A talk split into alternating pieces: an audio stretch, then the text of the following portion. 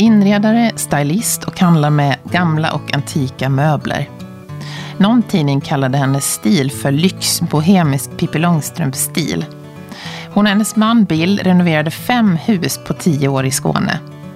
Och sen hittade de drömhuset i Höganäs, medverkade i den då nystartade serien Husdrömmar 2014 och blev kända för svenska folket under renoveringen av den vackra gamla kaptensvillan.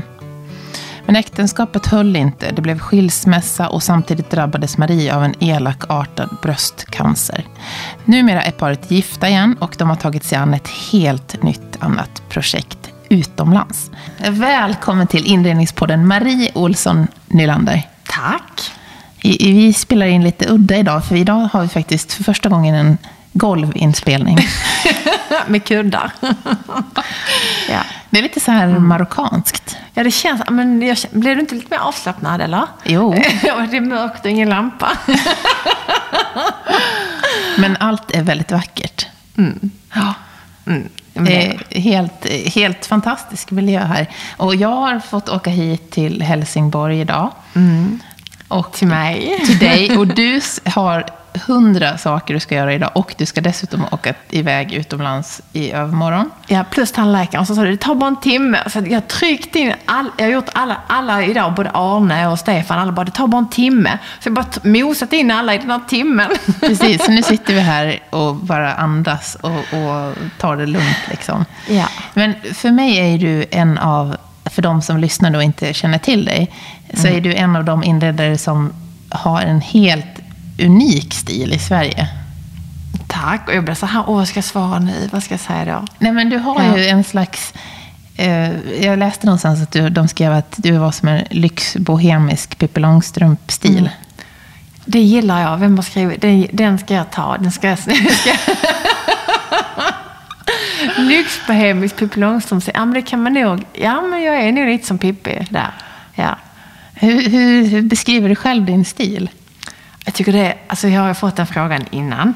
Jag tycker alltid det är så svårt, för jag känner ibland så här, fan jag har ingen stil, eller jag är helt jävla eh, otrendig eller tidlös eller inte, jag vet inte vad jag är. Eller så spanar jag framåt, ja, men det här är coolt, och så kanske alla andra tycker att det är coolt, fast fem år senare, och då är jag på något annat grejs. Liksom. Jag, jag vet inte vad jag har för stil egentligen. Um, alltså jag gillar ju lyx, men inte kitsch. Och jag gillar ju natur, men inte för tråkigt. Alltså det är så här, så jag, jag, jag tror att jag försöker bara trycka in allt jag gillar. Precis som jag tryckte in alla möten. Alltså jag bara, ja men det här gillar jag och det här. Och sen så, utan att jag gör det helt omedvetet, alltså just med kulörer eller texturer eller skala, så det är bara att jag ser själv, ja men det här passar samman, det här funkar. Och jag ser direkt när det inte funkar. Eh, och blir det för, liksom, jag tycker som inredning måste skava lite, annars blir det tråkigt. Annars blir det väldigt tillrätt, tillrättalagt, det är det tråkigaste jag vet. Eller förutsägbart, eller, eller som alla andra. Alla vill ju vara lika. Vi kämpar hela tiden. Det är inte klokt att vi kämpar. Och så är vi ändå alltid, vi, alltså vi är ju lika. Vi är ju människor. Men ändå ska vi vara så olika varandra som vi bara kan. Så är vi lika. Ah. Och så vill jag också, jag vill ju ha unik inredning. Jag vill ju ha, ha det. Men är det så att du känner att nu, det känns som du, väldigt, du vet ju verkligen exakt hur du vill ha saker och ting. Men eh, när du har den här bilden och ser det här framför mm. dig, mm. är det något som hindrar dig då? Eller? Nej, eh, det är det faktiskt sällan. Det kan ju vara brist på pengar eh, just då. Eh, men då försöker jag kringgå det för att inredning kan man ju tycka handlar om pengar, men det tycker inte jag att det gör. Alltså jag, började med ingenting. Alltså man, man börjar ju där man står. Och eh, jag har alltid velat ha mer än vad jag har kunnat. Och, så då har jag börjat handla med vintage. Alltså jag har handlat vintage och second hand när det var liksom fult och ute och pinsamt. Och komma hem med påsar från UFF och gå med UFF-påsar på stan. Då var man liksom bara, då var du lodis och uteliggare och där kom jag. Så har jag hållit på liksom sen jag var tonåring. Släpat hem från loppisar, målat om och tagit bort målarfärg, blivit hög, du vet, för jag visste inte om att man skulle ha terpentin i ett stängt rum och sånt. Så jag har liksom, så jag började tidigt med att jag ville ha det på ett speciellt sätt, men inte riktigt kunde. Och då måste du ju bli kreativ. Alltså utveckla, alltså då kan man inte bara, jag, jag har aldrig köpt en stil. Om man säger så. Utan jag kan snegla på någonting och bli väldigt inspirerad. Så plocka bitar från det. För jag tror vi alla liksom blir inspirerade av något. Eh, och det behöver inte alltid vara med inre, alltså det kan vara, det kan vara en människa eller ett tyg eller jag ser en bild och så en bild kan liksom inreda ett helt hus in, inom mig. Och jag, som nu med det här kontoret jag gör, så, så jag kan egentligen inreda det på fem minuter. Och sen ska jag då bara konkretisera det eller rita upp det för att jag har väldigt svårt att alltså, sitta stilla. Det låter som att jag har värsta ADHD nu då.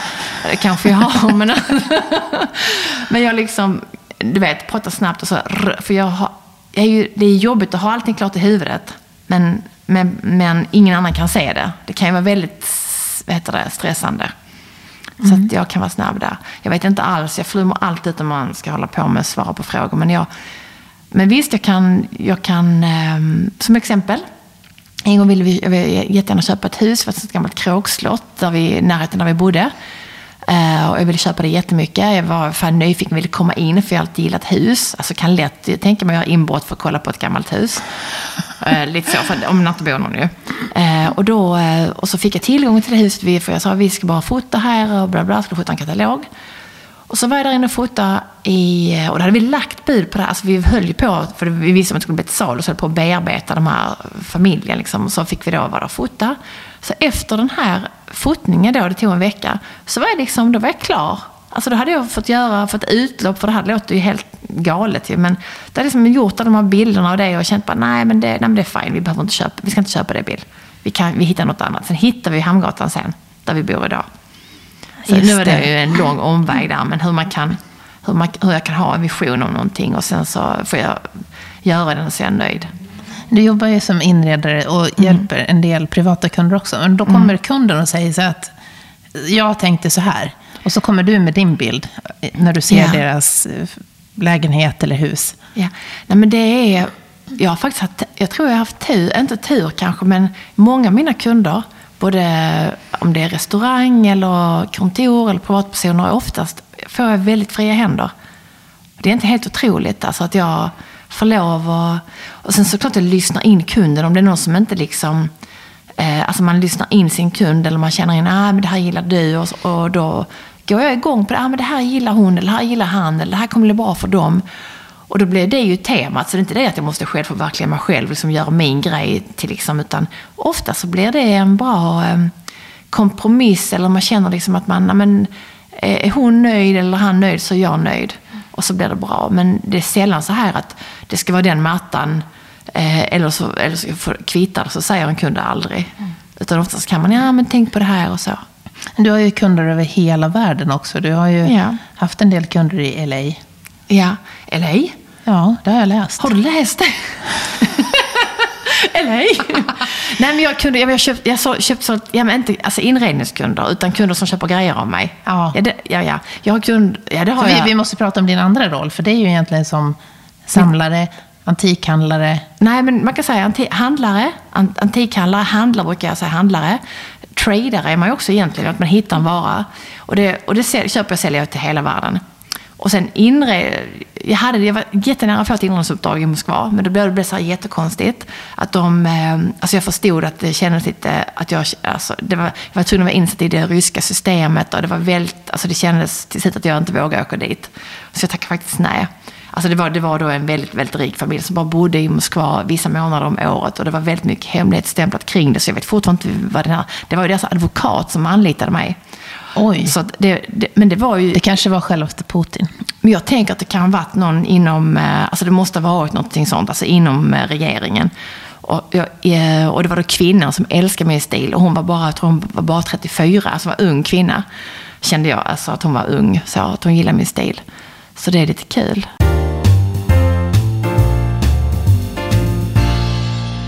När du hittar de här sakerna, mm. hur du har ju en enorm fingertoppskänsla. Ja. Kan du bara se det när du går runt och tittar? Att plocka så här, att det där, det där, det där. Ja, men jag hade en kompis en gång som vi, hennes föräldrar var antikhandlare. Hon var också duktig på det här. Hon sa till mig, Marie du har sådana falköga. Du vet, bara, mm, jag tror jag har som skanner. Och jag vet inte varför jag har det. Eller om det är de här tidiga åren med att man liksom gick på loppisar och handlade second hand och att man nosade in sig eh, men det är likadant att jag kan ju gå i ett rum och, och så vill jag ha någonting, köpa något själv till mig själv. jag fattar inte varför det alltid blir det dyraste. Alltså, du vet, det var så, och det, det, det dyraste är ju inte det bästa, men det är inte det att jag, jag bara nosar in mig på det. Liksom. Bara så, och även på loppisar, som, ja, men då hittar jag de här guldkorden. Eller hittar någonting som ingen annan tyckte var någonting. Det är precis som eh, det loppis idag jag kommer åka på sen när jag är klar med tandläkaren. Som har öppet på måndagar och eh, torsdagar. Där har jag varit, där har jag varit stammis i 20 år. Och då går jag dit på måndagar och jag går dit på eftermiddagarna när alla andra har gått. För då vet jag om att okej, okay, nu är det över, nu har de flesta gått, nu kan jag gå runt här. Och så hittar jag ändå alltid något. Oj. Ja, det är lite kul. Istället för att gå först och stå och hänga på låset som alla säger. Nej, jag orkar inte sånt. Nej, bra Nej. taktik. Mm. Men du var ju också tidig med, jag tänker på där vi sitter idag, det är ju en slags, slags en lägenhets... Eh, eh ja, showroombutik, eh, liv, livsstilbutik, ja. I liksom en lägenhet som, som fanns Uh, The Apartment finns i Köpenhamn, det finns i New York också. The Loft har funnits. Ja, jag, jag har varit i New York. Jag har glömt vad den heter. Heter inte något sånt The Apartment? The, The Loft eller något va? Ja, jag tror det är nog någonting... Eh, jag så, det kan vi kolla. Alltså, jag vet inte exakt. Det ligger ju... Jag har varit på den i New York, för den finns i LA också, men där har jag inte varit. Kan det vara The Loft? Ja, vi låter det, vara osagt. Ja, vi låter det vara osagt. Ni får, ni får som lyssnar få höra ja, av er. Det kan ha kommit upp fler. Um, och jag vet inte vad, det, det, finns ju olika, det finns ju många städer nu, tänker jag, att det har börjat poppa upp eller alternativa ställen att handla på. Kommer du att jobba mer med sånt nu när du skaffar egen, eget kontor? Kommer du även öppna upp det så? Eh, jag tror att man, eh, alltså jag tror att man måste Alltså, som mig, alltså man måste vara öppen med sådana, alltså man måste bjuda in. Man måste liksom se ut gränserna med, som jag också varit jag har ju haft tidigare ett hem som var en gammal missionshus där jag hade en butik i en del och sen till slut så bara insåg jag att nej, det är ingen som vill gå in i den här trånga lilla butiken. Alla vill gå in i mitt vardagsrum. Det är lika bra att öppna upp. Jaha. Så körde vi så.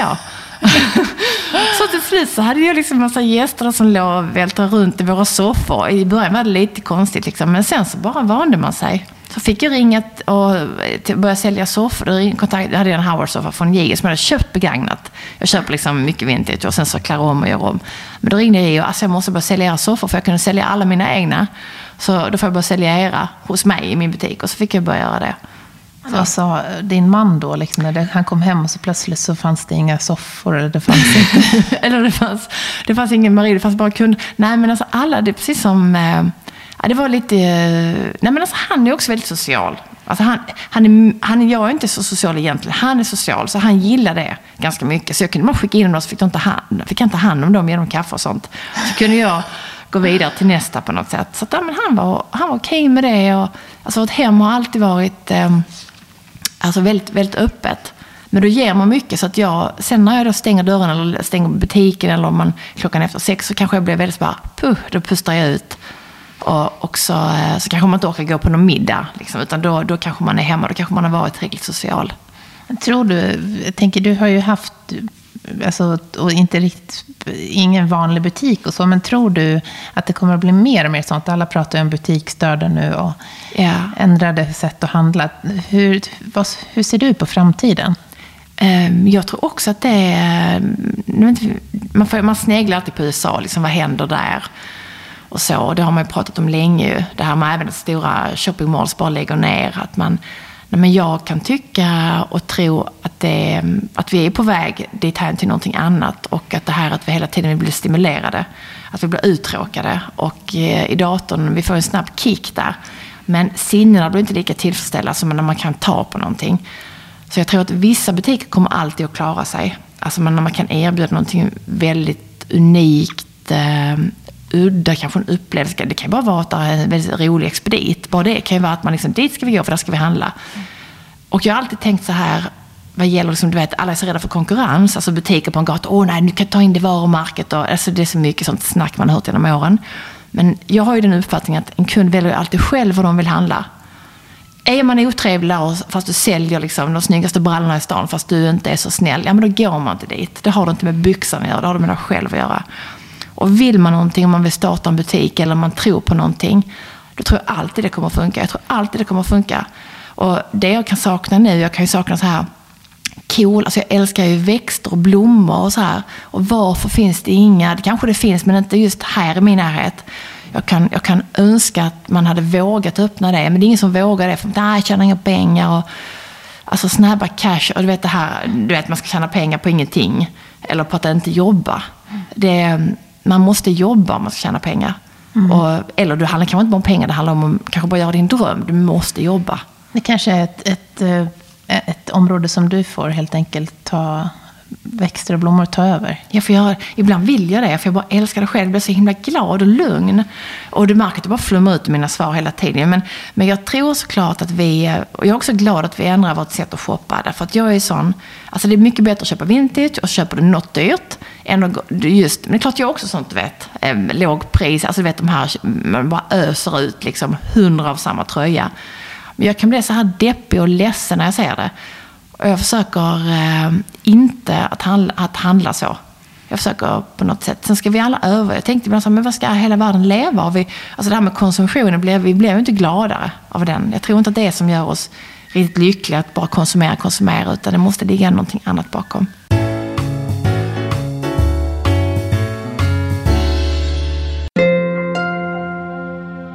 In och prenumerera på Inredningspodden med mig, Johanna Hulander, så får du en notis när nästa avsnitt släpps. Och gå gärna in och skriv ett omdöme eller en recension så att ännu fler hittar till just den här podden. Eh, jag tänkte på, annars också på Instagram som en kanal. Du har ju jättemycket följare på Instagram. Du har 30 000 människor som följer dig varje dag. Ja, det var jag, jag får svara till. Ja, så känner jag, ja, och det är ju jättemycket, jag tänker inte på det. Alltså jag, jag, jag skriver till som, jag skriver ju när jag, typ som att det skulle vara tre. Liksom jag tänker inte på det, lite i en film igår när jag och Sylvia var i dans, tänkte jag på så här, min, mina barn bara så här, du är så skämmig mamma. Det är då Vidar, han är 16, det var jätteskämmig. Så, här, men jag vill bara dansa där lite. Men, sen så tyckte han inte det var så skämmigt längre, men jag, tänk, jag glömmer ju sånt. Att det är 30 000 följare. Men eh, använder du det som en... Tänker du ändå på det som ett, Eh, en säljkanal? Ja, men det gör jag såklart. Att, att, eh, eh, men jag märker att jag kan inte bara så här... Alltså man vill handla om du ser det i ett sammanhang. Om jag liksom inreder ett helt rum eller stylar om och hänger upp en lampa. Jag kommer se den lampan tio gånger. Om jag bara tar samma lampa, för jag har väldigt många fina lampor, och bara visar en bild på min lampa, så är det... Eh, för jag vet ju om att det är en bra lampa, skulle jag inte ha köpt in den. Låter jag ju jättekaxig, men, men lite kaxig får jag vara när det gäller mina grejer som jag vet är bra. Men då, då, då, då, kan, det, då kan det sitta långt inne med den där eh, lampan, att sälja den bara för att visa lampan. Liksom. Kom och köp, funkar inte. Utan det måste vara en hel bild. Alltså en helt rum, alltså i sammanhang, så, så säljs det. Om jag nu vill sälja det, för det är inte, vissa grejer vill jag ju verkligen inte sälja och vissa grejer måste jag sälja för att, att jag kan köpa för jag vill ju också ha, jag vill ha fina grejer, men jag, har, jag sitter inte här fat cat och bara kan kaching kaching. Utan jag måste ju, för att finansiera, om jag vill ha någonting så måste jag sälja någonting. Så är det. Jag skrattar lite för jag såg på just Instagram när du åkte till eh, Paris. Ja. Och såg din fåtölj. Du köpte fåtölj och du köpte olika saker. Och då tänker jag så här, men Marie, kommer du att kunna sälja det här sen? Det kändes som att det var ju liksom... Det var ju, du, du, du var ju såg så lycklig ut, för du visste att det här var liksom... Det var som guldkorn. Ja, det var guldkorn. Eh, och den wompsharen där, alltså det var ett sånt kap. Jag köpte den kanske lite dyrt då. Nu hade det varit liksom, alltså spottstyver. Men i den stolen satt jag sen jag var så ledsen. Eh, för det här var 2013 ju. Och 2014 var jag väldigt ledsen. Så den stolen kunde jag sen inte... Alltså den var otroligt skön, min gamla Wampure. Det här var den första utgåvan som gjordes. Så eh, den sålde jag till en kund till mig som jag vet har kvar den. Som jag gillar jättemycket. Lisa, det är din nu. Eh, så jag sålde den jättebilligt till henne. Eh, för att jag kände att jag hade um, dåliga... Alltså det blev ingen bra stol. Alltså den, jag älskar den fortfarande. När jag ser den så bara, ah, men den är bra där. Men jag, jag, kan väldigt, jag kan låta... Alltså man kan ju tycka att man är materialist, men jag, jag, jag kan låta saker och ting gå. Om jag vet om att det kommer liksom till ett bra ställe på något sätt. Och då kan jag vara, då kan jag vara färdig med den saken. Så att även den andra, den divanen har jag också sålt faktiskt. Okej. Mm, för det, det, jag tänkte vi tänk, måste beröra det, för många såg ju eh, dig och din familj och din man Bill. Ja. Och era då tre barn. Och nu Ja. har ni fyra barn. Ja. i, i SVTs serie Husdrömmar. Ja. Och det var ju det avsnitt som jag kommer ihåg. Det var 2013. Eller var det 2014? Nej, det var 2013. Det var då det sändes. Men det, när det sändes, vi, vi spelade in 13 och jag blev sjuk 13. Eh, och sen sände vi det, eller de sände det i 14 i mars, men då höll jag fortfarande på med en behandling, men jag hade börjat få hår när de sände det i mars månad. Och sen så hade jag hela 14 en lång process tillbaka med bild, så det var ett väldigt jobbigt år rent psykiskt. Ja, för, det, det, för, det, för er som inte har sett det här avsnittet så finns det fortfarande på SVT, såg jag. Jag Ja. tittade på det igen. Och alltså, ni köpte då ert drömhus, Kaptenshuset, Ja, med tre barn. ja. Ni hade flyttat in, rev ut köket, för du hade, sett ett, du hade köpt ett annat kök redan Ja, till- och det var till det här andra huset som jag pratade om innan. Ehm, för det var ett kök, ett, det var ett polyformkök som vi fick köpa jättebilligt för det var en kund som hade ångrat sig. Så det var sånt, du vet, vi kan inte missa detta kapet. Jag hade inga pengar, men jag kände de som hade affären som sa, kan jag dela ut betalningen? Och det är också ett bra tips, man kan alltid fråga om man kan dela ut betalningen. För, så, att, så då gjorde vi det. eh, till, något, till det här, då, den här gamla skolan som jag sen plåtade i, men som aldrig blev av. Så vi hade det stående, jag och Billan, vi då, och för att kunna ha råd att köpa kaptensvilan så var vi tvungna att pruta på priset. Och då hade de satt in ett värstingkök från Bulltorp och vi bara kände att det var inte fint. Vi vill inte ha det. Kan ni ta med er köket så kan, vi gå ner lite, så kan ni gå ner i pris. Och då blev de jätteglada. Så gick de bara ner kanske 200, jag kommer inte ihåg. Men de gick ner i pris så vi hade råd att köpa det. Och vi hade inget kök, men då hade vi det gamla, som, det här, eller nya polyform som skulle in. Men i den vevan, det tog ett tag innan det kom in därför att det var så mycket som hände där. Ja, så det, kom, det tog nog något halvår tror jag innan vi fick ett kök. Ja, och det får man se i, den här, i det här avsnittet. Och man får se att ni under det här året separerar Mm. och du får eh, en cancer, ett cancerbesked. Ja. Ett, att du har en elakad, elakartad cancerform. Mm. Och så får man följa det. Jag, det, det är ju en, är fruktansvärt jobbigt att, att se när du går igenom både cytostatika och strålning. Och jag kan inte Ja. förstå hur ni, hur ni liksom, jag blir tårar Ja. när jag tänker på hur, hur, hur otroligt stark du eh, Mm. är och var. Som ni spelade in det här och visade alla. Alltså vi, vi liksom hade ju... Alltså jag är så här att när man då väl... Om man ger sig in i någonting så är det väldigt svårt att backa från. Alltså man säger, du vet, man står vid sitt ord eller man, eh, ett handslag är ett handslag och sådär. Och vi, vi stod att vi inte visste vad vi skulle göra. Eh, och vi rådfrågade då SVT. Och, och vi tog ju en inspelningspaus under min värsta cytostatikaperiod när jag liksom, du vet, fick ta medicin för att kunna äta för munnen var helt, man var helt flådd in i munnen och, och sådär. Så det var tufft på slutet där och då tog vi en paus. Eh, och sen så, för då kände jag på något sätt också, att jag har ingenting att skämmas över att detta har hänt och detta är ju livet och det, det ska, livet är ju inte alltid fantastiskt på något sätt. Utan, och jag är, det, det kanske också så jag är som person och människa. Jag är väldigt svårt för det här när man ska när man ska liksom, man ska inte bli ledsen av att titta på Instagram och sociala medier, men det kan man bli ibland när man tror att alla, allas liv är så fantastiskt. Jag tycker det är, är lite tråkigt. Alltså, jag vill visa det hur det är. Och det är ju samtidigt sån, eh, mitt i all tragedi som det blir, så är det ju ändå en livsglädje.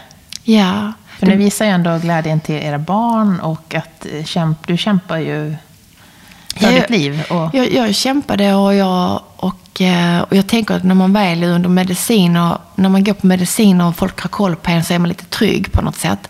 Det är nästan värre sen när det släppte, när man liksom, nu ska du klara dig själv och nu ska vi hoppas på att det här inte kommer tillbaka och nu får vi wait and see. Och det är väldigt jobb, och det var liksom då 2014 och det var en väldigt jobbig tid och jag gick fortfarande på en annan medicin för jag hade det, ja, det är svårt att inte ha liksom, hållit på med cancer, men då, liksom, jag hade en tumör som var dubbel. Så att jag fick hålla på med två olika mediciner. Och en medicin höll på med ett och ett halvt år. Så det var liksom en, jobb... eh, men då blir man också så här väldigt tacksam för att bara kunna gå upp på morgonen och dra, dra för gardinen och, liksom, att köra barnet till skolan. Så alla sådana små saker som vi alltid liksom bara tycker att vi tar för givet är lycka. Och när du, då blir du ju lycklig för så himla lite. Och så kan jag fortfarande känna. Alltså så stänker jag nästan varje dag. Sen har jag också kan ha sådana tramsiga mm, låtsas västerländska bekymmer. Liksom, som att, ja men det behöver inte gå på exempel, men jag tror vi alla vet. Eh, men sen så har jag ändå de här stunderna också varje dag av att den här lyckan Ehm, det kan bara vara liksom att träffa en mysig människa eller bara liksom känna att det är bara små, små grejer. Göra någon annan glad eller bara se sina barn gå iväg till skolan och säga att nu går de där. Små, små grejer. Mm. Hur, hur har, vad har hänt sen eh, du har blivit friskförklarad såklart? Ja, alltså, Eller såklart, blir, men du blev det efter ett antal ja, år. Alltså man blir aldrig så här att de säger aldrig så här, du är frisk. Eller så här att, jo frisk kan man säga för nu är tumören borta. Eh, och det här liksom, nu vet, liksom, tumören är borta och vi kan inte se någon cancer. Men man får inte sånt, jag får inte att teckna vissa försäkringar och sådär. Och det tror jag faktiskt är lika för alla som har eh, för, haft cancer. Eh, att, att, så, alltså, att man kommer i en lite sämre dager i vissa lägen. Eh, men, men jag, såklart att jag känner att jag, jag vågar knappt säga att jag är frisk. Alltså du vet så här, måste jag så ta lite träd. Men det är, jag tror alla känner, alltså man, man är bara glad att man är här. Mm. Så. Och sen hände det ju något mirakulöst. Ja, ja det gjorde det verkligen. Och, och, och, det var ju att jag blev gravid med Solveig när jag var 41 och ett halvt. Och sånt där. Och att jag... Ehm, och, och, det var ju inte någonting som... Alltså de sa ju att jag skulle bli steril. Och, eh, jag kom i klimakteriet ju när jag gick på cellgift och sådär. Så det tror man ju såklart inte att man, att man kan bli med barn. Eh, men, men så, sen så fick jag ju såklart ägglossningen tillbaka. Annars hade hon inte kommit. Så att, eh, och då var jag ju, blev jag ju jättenojig och orolig och glad och vågade knappt säga någonting till Bill. För hur skulle det här gå. Vi hade precis börjat liksom känna att det var bra och att vi var liksom, började bli trygga med varandra också. Får jag då reda på att jag då är gravid. Så det tog nog en hel vecka. Jag gick runt och sög på den karamellen i hemlighet. Och, sånt. och sen så berättade och sen så var vi tysta en hel vecka. Alltså vi sa ingenting. Alltså vi pratade om allt annat utom det. Liksom. Precis som en jättekonstig grej. Alltså vi började så här vänta. Liksom, vad ska hända nu? Så och sen så, mm, ja, sen så var jag 42 när hon, hon kom. Jag, hon, ja, hon kom den 20 maj. Så kom Solveig. Och då, och då blev det liksom bara... Det var ju meningen på något sätt. Och innan allt det här hände med skilsmässan och cancer så hade vi ju... Då kunde vi säga åh vi ska adoptera en flicka från Kina, hon ska heta Solveig, har mörkt hår. Jag vet inte varför vi... Alltså jag älskar barn, jag har alltid varit väldigt barnkär. Jag tycker det barn är väldigt fantastiskt. Eh, men jag kände väl att tre egna barn var liksom, nu, nu får jag, du vet, man kan inte begära mer i livet. Och då tänker man att då kan man, och då, då var det sånt vi bara kunde gå och drömma om. Så, då, så vi bara fantiserade sen när vi liksom, när vi, när vi liksom, man började liksom känna, slippa oron för det här med missfall. Så, så tänkte vi, ja, tänk om det är Solveig. Och så fick vi reda på att det var flicka, så, så blev det Solveig direkt. Så var vi jätteglada. Mm. Och sen valde ni att bo kvar i huset som ja. ni hade gjort ordning till Ja. Ett fantastiskt hus. Ja, alltså det, är mitt, alltså det är mitt drömhus och det är faktiskt första gången eh, i andra, alla andra hus har jag, har jag känt som projekt eller att man är på väg vidare eller till någonting annat. Och nu så har jag alltid älskat Hamngatan för det är ett hus som jag sett sedan jag var liten. Och när vi, när vi väl flyttade in, det var en overklig dröm att flytta in och jag, jag kämpade för att vi, jag skulle kunna bo kvar och ha råd då när, när vi skulle dela på oss. Och, och han var arg, vi skulle sälja. Vi la till och med ut till försäljning eh, och så. Och eh, det blev inte sålt och vi fick skambud. Och kanske ville Billy innerst eh, inne heller inte sälja. Och så bara kände vi, nu är vi här, nu bor vi här. Och jag känner mig, jag känner inte att jag vill vidare. Så jag känner att nu är vi här. Och, och det är jättebra. Och snarare att det är kul liksom att, ja nu har vi gjort om köket igen. Och eh, ska vi göra badrummet och man gör det mer till för att vi flyttade in i någon annans renovering. Vi har alltid gjort allting hardcore från början med alla de andra fyra husen. Så därför, så därför tycker jag det är kul nu. För att den första tiden kände man ju bara att man liksom var till låns, kanske även på jorden, när man, när man var sjuk. Så att jag hann liksom inte riktigt landa i huset. Och det är först nu, så det har tagit jättelång tid. Och nu har det gått liksom sex och ett halvt år. Så det är jättelänge att bo i samma hus tycker jag. Ja, ja. Men är det ett sånt här, kan du känna det? Att men här kommer vi att bo kvar? Eh, ja, jag sitter så snett. Nej men jag, eh, ja. Eh, det är ett hus som ska ha mycket liv. det, I och med att det är fyra våningar, det är klart det är ett källarplan och där är mest jag, det är tvättstugan, där får man gå som krokad. Jag vet inte, det är en sån här klassisk sån kvinnofälla. Att bild Ja. är för lång för källaren. Aj, aj, aj. Bullshit. nej, nej men det... nej, Big mistake liksom. Big mistake. Nej men det, jag vet inte vad klockan, snart ett, Nu måste va? vi kolla. När ska du vara hos klockan ett? Är klockan ett nu? Nu är den tre minuter i. Tre minuter i? Ja. Ska vi pausa till tandläkaren? Ja. Sitter jag okej avstånd tror du? låter jättebra. Det var bra. Någonstans så sa du att allting är ja för mig. Du säger aldrig nej. Ja. Och det kan man ju... Ja, sa jag. Ja, sa jag. Det kan man ju utveckla. Men det är nog det här med eh, att saker och ting är möjliga eller icke möjliga snarare än det handlar om kanske liksom att man är en ja-sägare. För ja-sägare eh, låter ju inte så bra och nej-sägare är ju inte heller bra. Eh, utan det är snarare att, att man måste prova. Att man måste först testa innan man kan säga nej, att det inte funkar. Att någonting, ja men då testar vi. Eller att jag, och jag gillar även när jag jobbar med andra, men jag gillar att jobba med samma människor som tänker som mig. Som inte ger upp för lätt, eller, eller att man ger upp innan man ens har försökt. Det gillar jag inte. Utan jag gillar att man försöker, testar, man säger då sitt ja. Och sen måste man, okej, det funkar inte riktigt så, eller då får vi göra så här istället. Man hittar lösningar, alternativ. Är det därför det funkar så bra att renovera mellan dig och Bill? Men jag tror det, för att han, han, är, alltså han är så expert på att hitta bra lösningar. För jag har ju bara att jag ser en bild och så vill jag ha det så här. Och så säger alla andra, det går inte. Så säger jag bild, ja men kanske ska jag så här. Alltså han löser de flesta bekymmer. För ni har ju renoverat, var det fem hus på elva år? Ja, ehm, jag måste tänka hur många år det är. Inklusive det ni köpte då? Ja, för att vi började renovera 2003. Då jag född och sen så höll vi på med... Jag kan, orkar inte ens räkna här alltså, men det är... Ni började första- renovera när ni skaffade barn? Ja, det gjorde, ja klassikern. alltså det är... Förlåt, jag skrattar, men Ja. jag, man, ja. Ja, men det är så klart. Så tänker jag så här, det där, det där ska jag verkligen, gör inte det. Sluta renovera, är mitt råd till alla. Nej, men det är ju så jättejobbigt alltså. Och alla gör det. Vad är det för fel på oss? Nej, så det var det första fel. Det gjorde vi såklart. Och sen så andra huset då, den här gamla kyrkan, då, hade vi så, då var ju Otto i magen ju. Och då bodde vi i en gammal symaskinsaffär, eh, sybehörsaffär, så det var ju väldigt mycket damm och sånt och konstiga grejer. Den, det var ingen lokal med lysrör. Där bodde vi ju ett år och det skulle vara ett halvår. Men eh, sen flyttade vi in i den kyrkan och sen så blev det jättekris. Sen så flyttade vi till, eh, det på studs. Sen så flyttade vi till Wilson Park, till ett gammalt, när flyttade jag ensam dit först då, till ett gammalt radhus från 1800-talet. Och då hade jag grossistfirma, eh, för jag, jag och Eva startade Olsen Jensen då. Det vet du kanske? Nej, det har jag inte Nej, sagt. det har Nej, jag- det nej, det har jag också gjort. Du körde grossist. grossistverksamhet och butik. Och sen så då så blev det lite mycket där då med att renovera huset samtidigt själv, ensam och Bill och jag krigade. Och sen så blev vi kompisar och han flyttade in.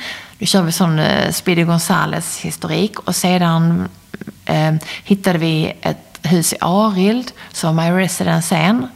Och då var Det var ett mega, mega reportage. Ja, det var det. 12 sidor. Jag höll på att svimma alltså. Och det var bara, vad var det Mårten sa till mig, Mårten Helén? Nej, man tror att det är en sån här fet bankir som bor där och så är det du. Alltså, det- jag tror alla på redaktionen gillar det, liksom, att det var värsta banknissen. Eh, och så var det jag och Bill, liksom, arbetarna som bodde där. Det var väldigt kul. Ja, jag kommer ihåg, den, jag kommer ihåg det reportaget. Ja, jag kommer ihåg att du, du såg ju så, så enormt tjusig ut där. Du såg ut som en Alltså, filmstjärna åh, verkligen. yeah. Ja. Nej, det, var, det var väldigt många bilder på mig och jag fattar ingenting. Men det var väldigt kul. Och så, det var Ingrid då, hon var bara bebis. För det var när vi ligger där i soffan och jag har min sån gul overall. Jag är väldigt tidig med overall också. Jag har kvar den, fast den är ju helt trasig nu. Eh, jag älskar den overallen. Sen så... Eh, och sen så höll jag då på med, då hade jag ju jättemycket, då jobbade jag, började jobba mycket i Norge och sådär. Det var väldigt slitigt. Efter det där reportaget, fick ni väldigt mycket mer jobb då? Kom det in mycket jobb till dig som... Eh, nej, men jag, ja, mycket, jag hade mycket, jobbade mycket med, med tidning då. Eh, så att det var extremt mycket jobb. Och eh, i och med att jag jobbade jobbar mycket med Oslo så kunde det vara så här, åh, deadline är om tre timmar, har du, har du, har du något? Alltså det var verkligen så. Både texter, texter och bilder. Det var, det var eh, sjukt stressigt. sjukt stressig period. Då sov jag jättelite. Och eh, det var ju Ingrid inte heller stor och billig var med asfalten, det var också själv. Men sen, det var huset i Arild. Ja, Och sen efter det så köpte ni... Hamngatan. Ja, då köpte ni det. Ja, ja. Och då vet jag att då hade vi liksom, då satte vi ett långt tillträde för vi skulle hinna göra klart en garagedel på Araldshuset. Och då hade jag, inredde jag en restaurang i Helsingborg så jag slava liksom där för att kunna då, ja du vet, jag bara plöjde ner pengarna i det här garaget för att vi skulle kunna liksom sälja. I och med att då hade vi liksom dubbelt, då hade vi två hus. Um, och vi skulle då bara sälja, egentligen bara göra klart för att sälja Arild och flytta in till Hamngatan. Och sen så brakade allt samman. Det är som, men en sak som jag tänkt på. Min pappa brukar alltid säga det här. När bilen går som bäst, då ska du sälja den. Och det är ofta så när det, går, när det är för mycket och för fort och det går för bra. Och det tänker jag jätteofta på faktiskt. Då, då ska man se om sig. Så sen så blir jag ju sjuk. Så att, um, sen vet man ju inte om vad det var det. Men det är bara, jag tror på den grejen. Så sälj bilen alla ni som har såna små klockor där ute. Och köp en begagnad. Köp en annan. Så får, så får nästa, nästa ta den sen när den rasar. Nej men det är lite skämt åsido med den. Ja. Är det också ett råd du ger till de som ska renovera? Jag tänker att om man ska renovera så renovera så lite ni kan. Faktiskt. Och det kanske tycker jag är helt... Så alltså säger jag det så sitter jag här och har ett hus på Sicilien. Men det är ju faktiskt inte här. Och, och vi har ju andra som gör det till oss. Och vi, jag ska bara jobba ihop så att vi kan liksom betala den här fakturan. Och det har vi aldrig kunnat göra. Det känns jättelyxigt och jättekonstigt. Um, för att när man sitter själv i hantverkaren så har du ju alltid det liksom... Vi har aldrig haft skåp som går att stänga, sånt där som alla andra vill ha. Tänk, åh vad lyxigt att vara kund till oss, brukar jag och Bill tänka. De får så här fint kök. Ja.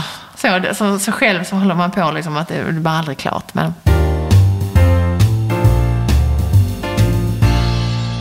Ni har renoverat de här husen, Kaptensgatan i Höganäs. Och sen så har ni nu Ja. köpt ett palats i, på eller i Sicilien på 400 kvadrat ja. Wow! Ja, det är, och jag för mig, så är det så här att jag inte... Jag när man är där då tänker man, shit vad coolt, det här är vårt. Och man går in och stänger porten och tittar fem meter upp och det är kalkstensgolv. Och, och nu kommer det container på torsdag som vi ska tömma med massa grejer från Sverige. Och då, för att jag vill, har ju känt att jag vill flytta in grejer från Sverige där.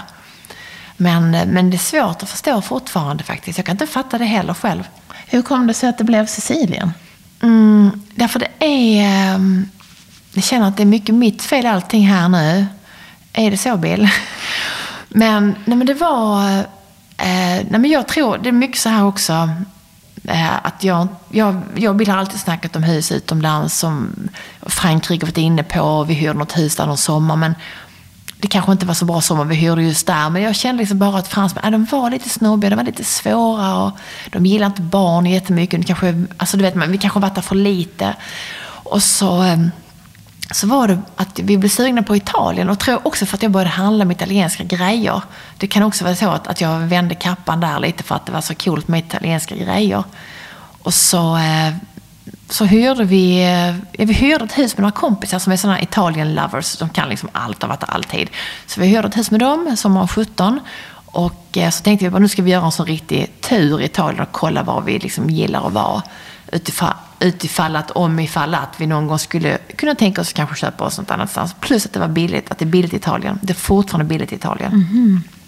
Så de har haft två dippar eh, där priserna bara har sjunkit. Så man kan, göra, man kan få väldigt mycket för pengarna. Och så, så bara drog vi, tog vi bilen och drog ner. Och ju längre ner vi kom, alltså förbi allt det här, alltså där allting är återigen, det var som kuliss, som att stiga in i en film i det här Pisa och Florens och Toscana och allt det här. Men jag kände att det var jättemycket turister. Och ju längre ner vi kom mot Pompeji, alltså Napoli, Pompeji, alltså desto bättre blev det. Liksom. Där var det på riktigt. Alltså gränderna var så smala så vi kunde inte köra med vår bil. Och liksom, en pizza, nej, vad var det, sex pizzor, en flaska vin, 250 kronor. Alltså, så tänkte jag bara, ja men det här kanske är någonting för oss. Vi vill mycket, men vi kan inte så mycket som vi vill. Ja, då får det nog bli ännu längre bort kanske. Det blir Sicilien. Där är ännu billigare än i Napoli att köpa hus. Och så kom jag över till Sicilien, vi hade också hyrt ett hus där. För jag gillar, Sicilien är ju så här magiskt och så gillar jag ju eh, Gudfadern, minnena till Gudfadern. Och man, man är föräldrad. Jag har haft den här förälskelse i den här filmen, eh, filmerna. Och någon scen där, det är i och ingen så bra scen, när hon sprängs i luften, den här bruden, de har gift sig på den här gården och de kör in genom de här portarna. Det är sån här, ja, jag gillar film. Nu ringer min son, ska jag bara ta det eller jag tar det. Ja. Otto? Eh, men var är du? Har du ingen nyckel? Oh. Nej men Otto, det är andra gången denna veckan.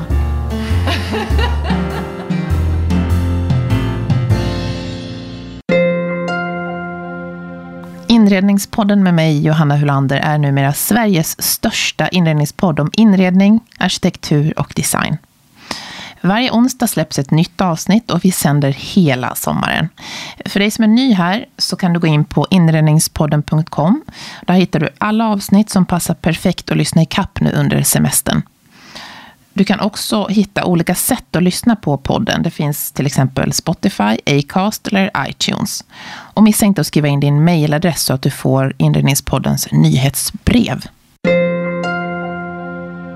Jo, så var det så här att min, eh, min kompis eh, Martin, eh, min och Bills kompis Martin, hade innan, något halvår innan skickat en länk via, jag vet inte hur, han skickade en länk på några palats i salu på Sicilien. Så han, titta här vad man får på Sicilien för så här och så här.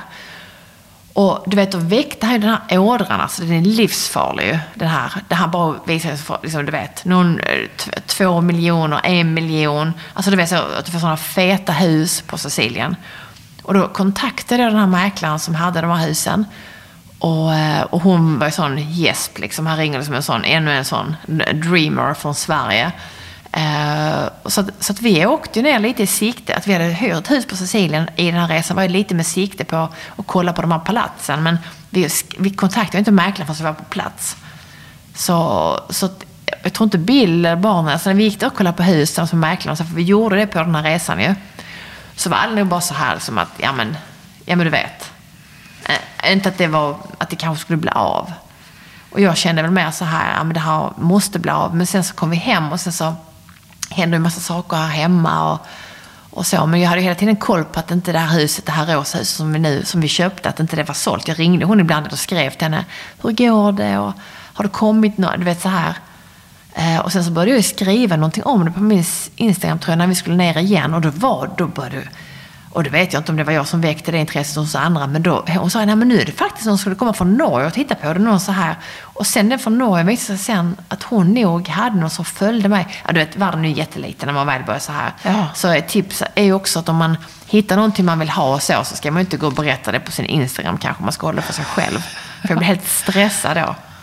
Ja, och sen slog ni till då på det här 400 kvadrat stora. Ja. Med en apelsinlund på innergården. Ja, ja och citroner.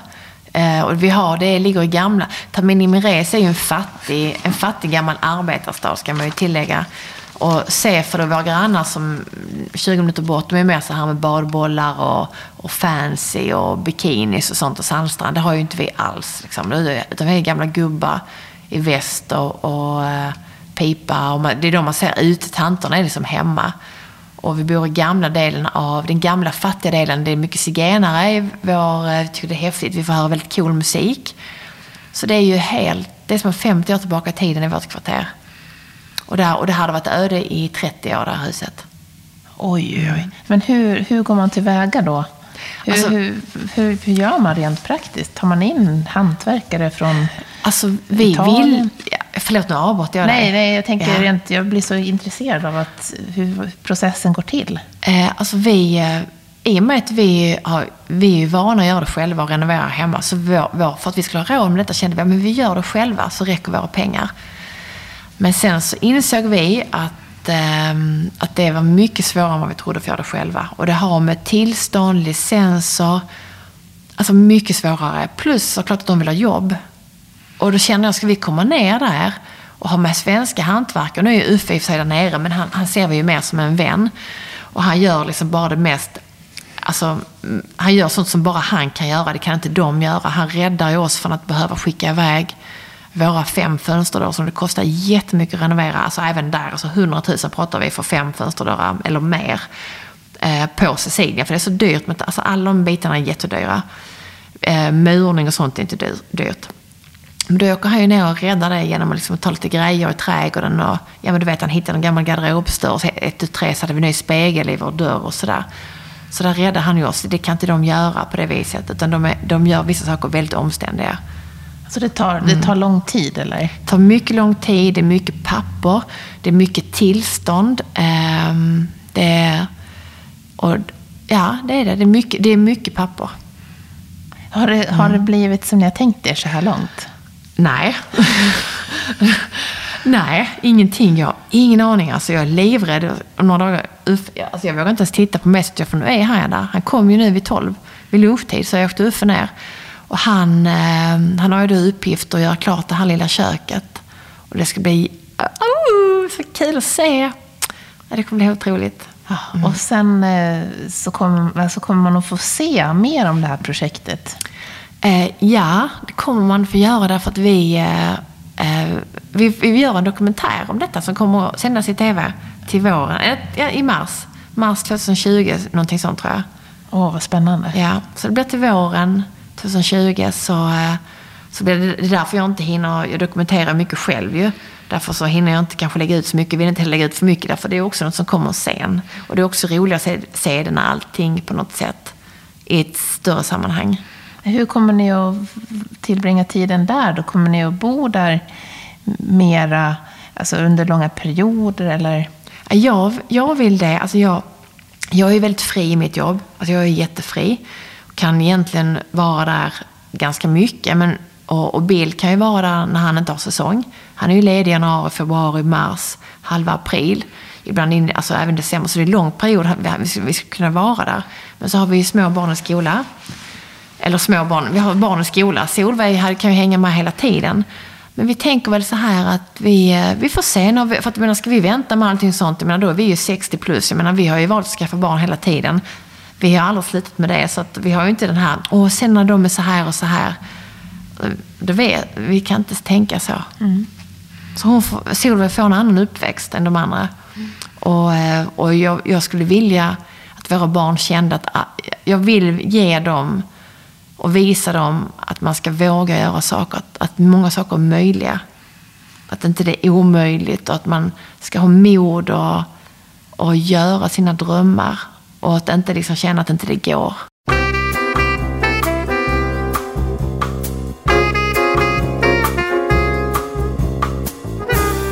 Och sen i sommar nu så är du med på utställningen i Höganäs som heter Det goda livet. Vad, vad är det för någonting? Nu? Det, är, det är också Martin som är inblandad där.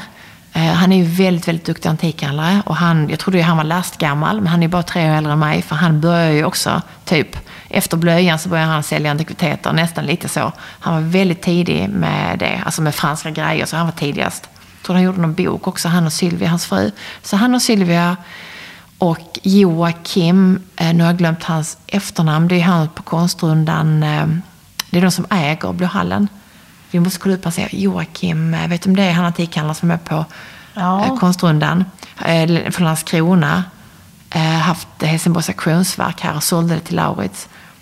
Just det. Yeah, anyway, ja. så det, det är sådana lokala kändisar. De äger Blåhallen och de har hållit på att renovera det i tre år.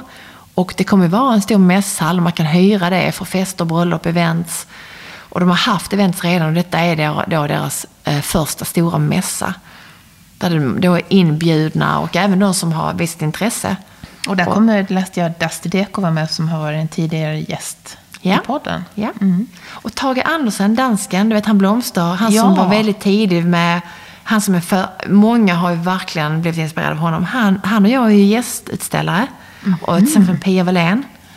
Så, och sen så är det en massa coola handlare, konstnärer, kreatörer. Det är en kille som jag ska göra, jobba lite bilder med som gör eh, snäckspeglar. Du vet oh. bara det. Alltså hantverk. Ja, men det är ett sommartips att åka till. Ja, så det är vecka 29.